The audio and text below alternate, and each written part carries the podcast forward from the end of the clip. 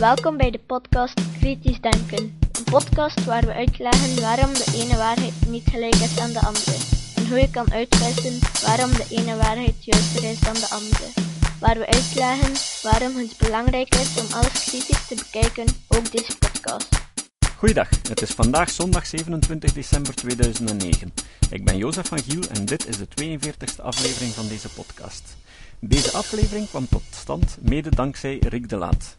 De 42e aflevering van deze podcast kan alleen maar gaan over de zin van het leven, het universum en alles. En bedankt voor het kerstkaartje van de kerk van het Vliegend Spaghetti Monster. De zin van het leven, het universum en alles. Arthur Dent wordt die ochtend wakker geschud door het geraas van bulldozers voor zijn deur. Blijkbaar moet zijn huis met de grond gelijk gemaakt worden, omdat het toevallig in de weg staat voor de aanleg van een nieuwe snelweg. Als hij gaat protesteren, blijkt dat hij eigenlijk al maandenlang protest had kunnen aantekenen in het gemeentehuis, maar had dat niet gedaan. De sloopaanvraag hing daar al maanden ad valvas in de kelder. Terwijl hij probeert om de werklui tegen te houden, komt zijn vriend Ford hem halen om zo snel mogelijk te vluchten. Ford is afkomstig van de planeet Beeblebrox, die gelegen is in de sterrenhoop Betelgeuse. Volgens Ford wordt binnen vijf minuten de wereld vernietigd omdat de galactische regering beslist heeft om een intergalactische snelweg aan te leggen en toevallig ligt de aarde in de weg. Deze werken waren al heel lang ad valvas bekendgemaakt op het hoofdkwartier van de intergalactische regering, maar geen enkele aardbewoner had protest aangetekend. In tegenstelling tot wat altijd gedacht werd, is de mens niet het tweede intelligentste dier op aarde, maar slechts het derde intelligentste dier. Het is al lang geweten dat dolfijnen veel intelligenter zijn dan mensen en dat ze met hun majestueuze tuimelingen al eeuwenlang de mens proberen duidelijk te maken dat de aarde zal vernietigd worden en dat ze dus moeten maken dat ze wegkomen. Maar de domme mens is er nooit in geslaagd om deze dieren te begrijpen. De dolfijnen hebben dan ook besloten om zelf te vertrekken, enkele maanden voor de vernietiging. Ze hebben nog nagezwaaid en riepen tot ziens en dank u voor al de vis. Nee, de intelligentste dieren op aarde zijn niet de dolfijnen, maar de muizen. Mensen hebben generaties lang dankbaar van de muizen gebruik gemaakt om in laboratoria proeven te doen. Maar de mens besefte niet dat ze eigenlijk zelf het proefkonijn waren en dat het de muizen zijn die de proeven met de mens aan het doen waren.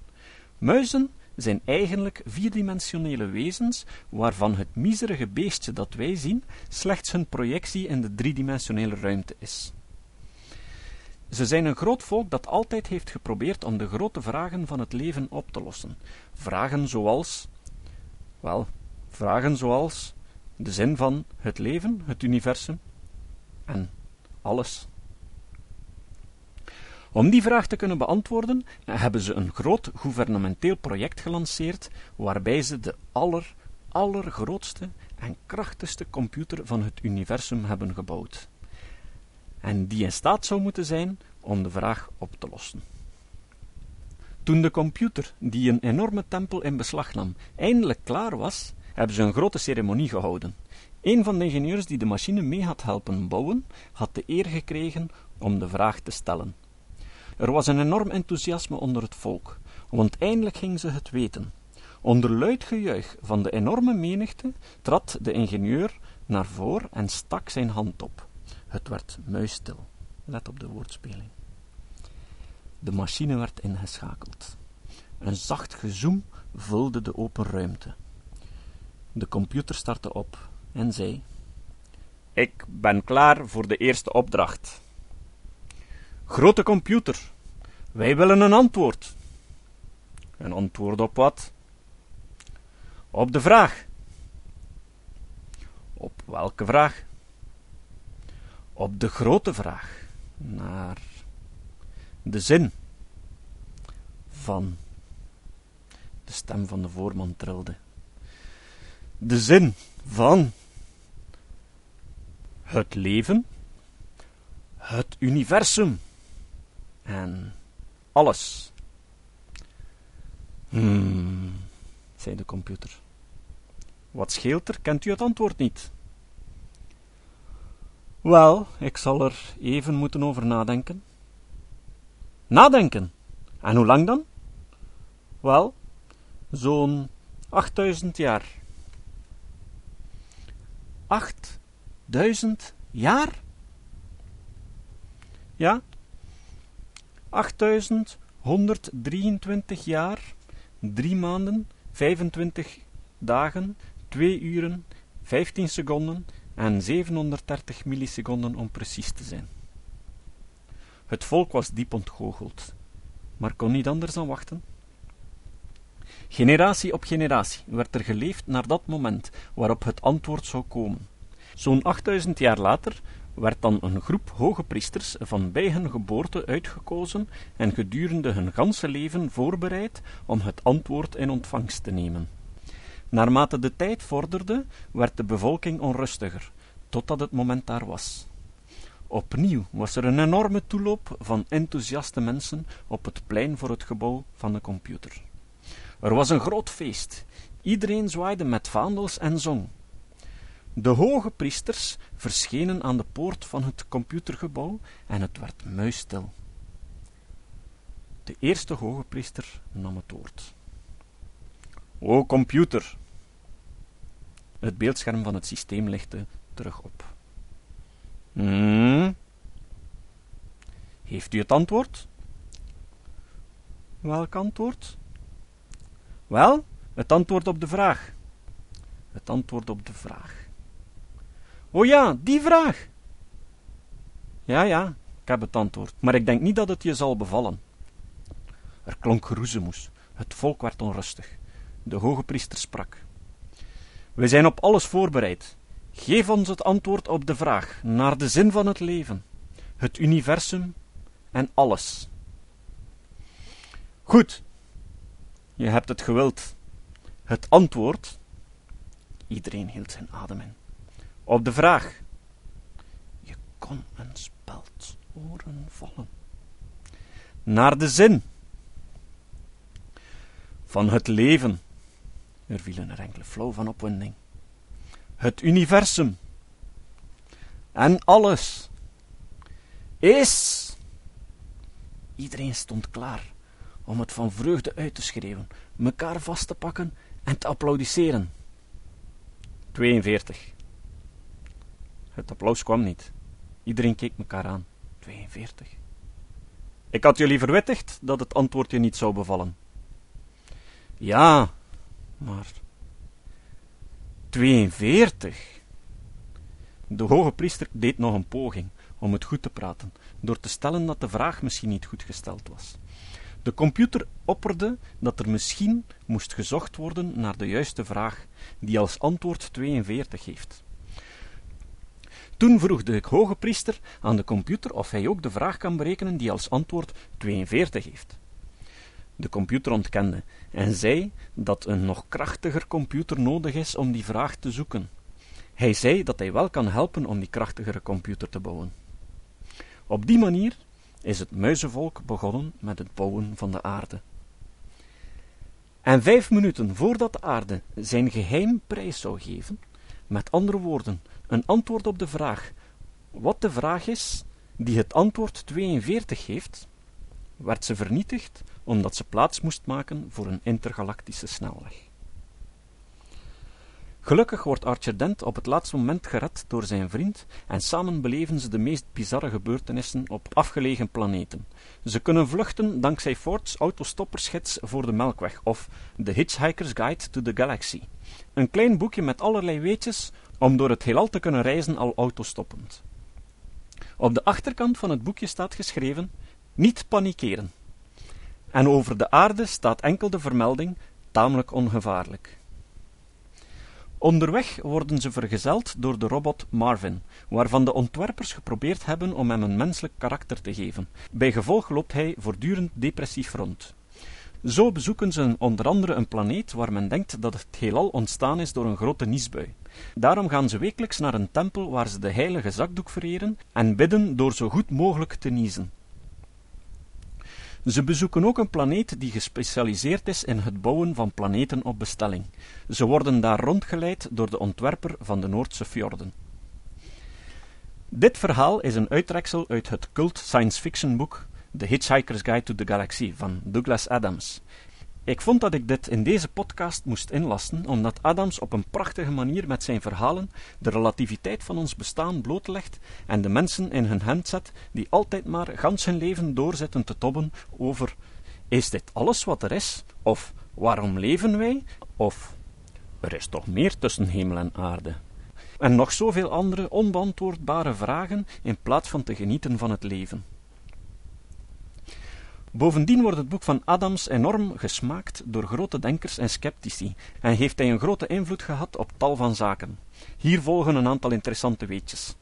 Richard Dawkins heeft zijn boek The God Delusion, of God als misvatting, opgedragen aan Douglas Adams, waarmee hij overigens zeer goed bevriend was. Ze deelden bovendien het gedachtengoed van het actieve atheïsme.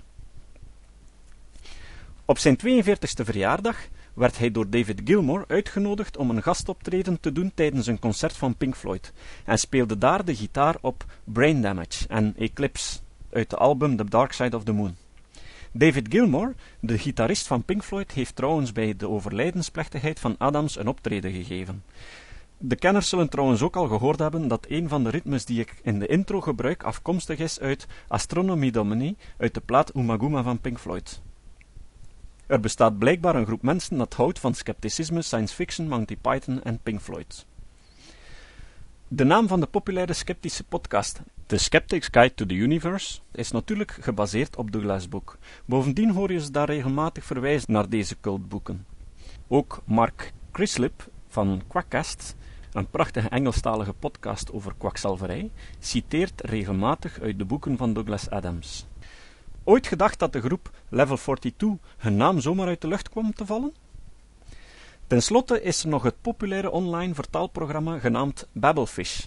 Dat is een verwijzing naar de oplossing die Douglas Adams vindt op het probleem om de vreemde talen te begrijpen in al die afgelegen planeten. Ford geeft aan Archer een soort vis, een Babelfish, die hij in zijn oor moet steken. Die vis is een soort simultaan vertaler die zonder probleem elke willekeurige taal omzet in zijn eigen taal. Bovendien legt Adams uit dat de babbelvis een heel curieus fenomeen is in de evolutie van de diersoorten, omdat hij onmogelijk toevallig kan ontstaan zijn. Daaruit besluit hij dat de babbelvis een van de belangrijkste bewijzen is dat God niet bestaat. The Hitchhiker's Guide to the Galaxy is onlangs verfilmd. De volledige reeks, het is een trilogie van vier boeken, kan je ook verkrijgen als luisterboek. Wel alleen in het Engels, voor zover ik weet.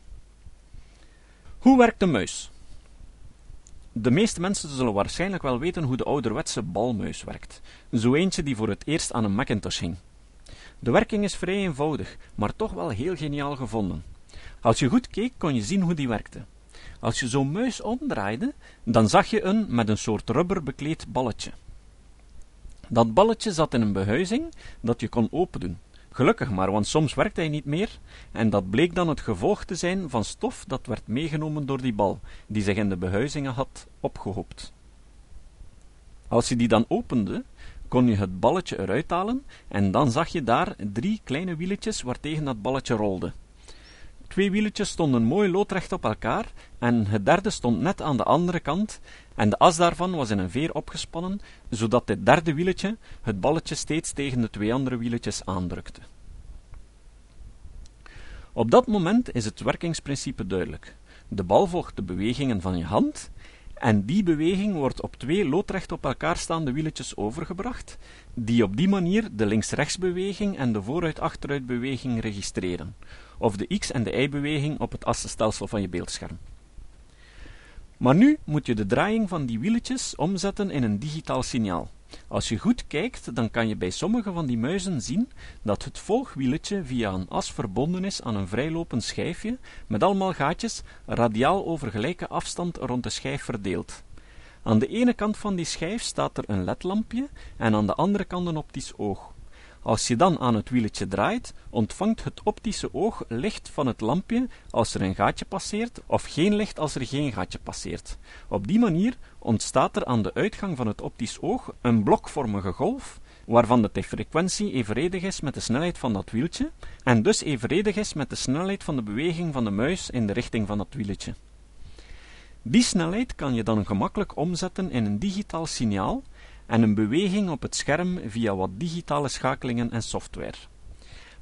Maar daarmee zijn nog niet alle problemen opgelost, want de computer weet zo wel hoe snel de muis in de x- en de y-richting beweegt, maar hij weet nog niet in welke richting hij beweegt, want die blokgolf ziet er hetzelfde uit of je de muis naar links of naar rechts beweegt. Om dat probleem op te lossen heb je een tweede elektrisch oog nodig. Die plaats je achter de geperforeerde schijf op zo'n manier dat deze een gaatje begint te zien als het andere oog al halfweg een gaatje is. Als je dan de muis naar rechts beweegt, dan loopt de blokgolf van het eerste oog een kwartfase voor op het tweede oog. Als je de muis naar links beweegt, dan is het net omgekeerd. Op die manier kijk je telkens wat de toestand is van de blokgolf van het ene oog op het moment dat het andere oog van 0 naar 1 springt om de richting van de beweging te kennen. Maar iedereen heeft tegenwoordig zo'n optische muis zonder balletje. Het nadeel van die balmuis was dat je regelmatig die wieltjes moest reinigen omdat er stof in terecht kwam. Bovendien hadden ze problemen dat ze niet goed werkten op bepaalde ondergronden. Die nieuwe optische muizen werken bijna overal op, zelfs op stof of glas. Ik heb me ook lang afgevraagd hoe het werkt, tot ik op de website howstuffworks.com ging kijken. De werking daarvan is ook verrassend eenvoudig, maar wel meer high-tech. Wat je zeker al gemerkt hebt, is dat er ook een, meestal rode, led in zit, die de ondergrond verlicht. Het kleur van die led is eigenlijk niet belangrijk, maar rode leds zijn het goedkoopst en hebben het hoogste rendement. Wat je ook kan zien is een klein lensje. Daarachter zit een minuscuul videocameraatje. Een heel goedkoop ding met een resolutie van maar ongeveer 30 op 30 pixeltjes. Die videocamera filmt voortdurend de ondergrond, aan een snelheid van soms tot 2000 beelden per seconde. Daarachter zit er een klein computertje dat voortdurend de twee elkaar opvolgende afbeeldingen met elkaar vergelijkt. Hij berekent hoeveel de ene afbeelding ten opzichte van de andere is verschoven, en dat geeft aan hoe de muis beweegt. Het vergelijken van twee beelden en hun onderlinge verschuivingen meten is een wiskundige bewerking die in de signaaltechnieken vrij goed bekend is. Als je een convolutie van beide beelden berekent, krijg je een maximum waar beide elkaar perfect overlappen. Het citaat. Het citaat van vandaag komt van Douglas Adams. Het komt uit het derde boek van de reeks, The Hitchhiker's Guide to the Galaxy. Dat boek heeft als titel The Restaurant at the End of the Universe, of Het restaurant aan het einde van het universum. Daarmee bedoelt Adams eigenlijk het einde der tijden, het moment waarop het heelal vernietigd wordt, en aan het einde van de menu keren ze gewoon terug in de tijd.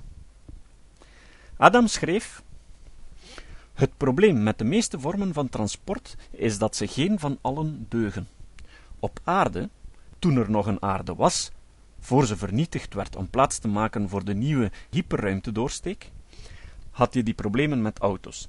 Daarvoor moesten grote hoeveelheden zwarte smurrie uit de grond, waar het eeuwenlang veilig opgeborgen had gezeten, worden opgepompt. Omgezet in teer werd dan daarmee het landoppervlak bedekt. Een ander deel werd in rook omgezet en vervuilde de lucht, en de rest werd in zee gedumpt.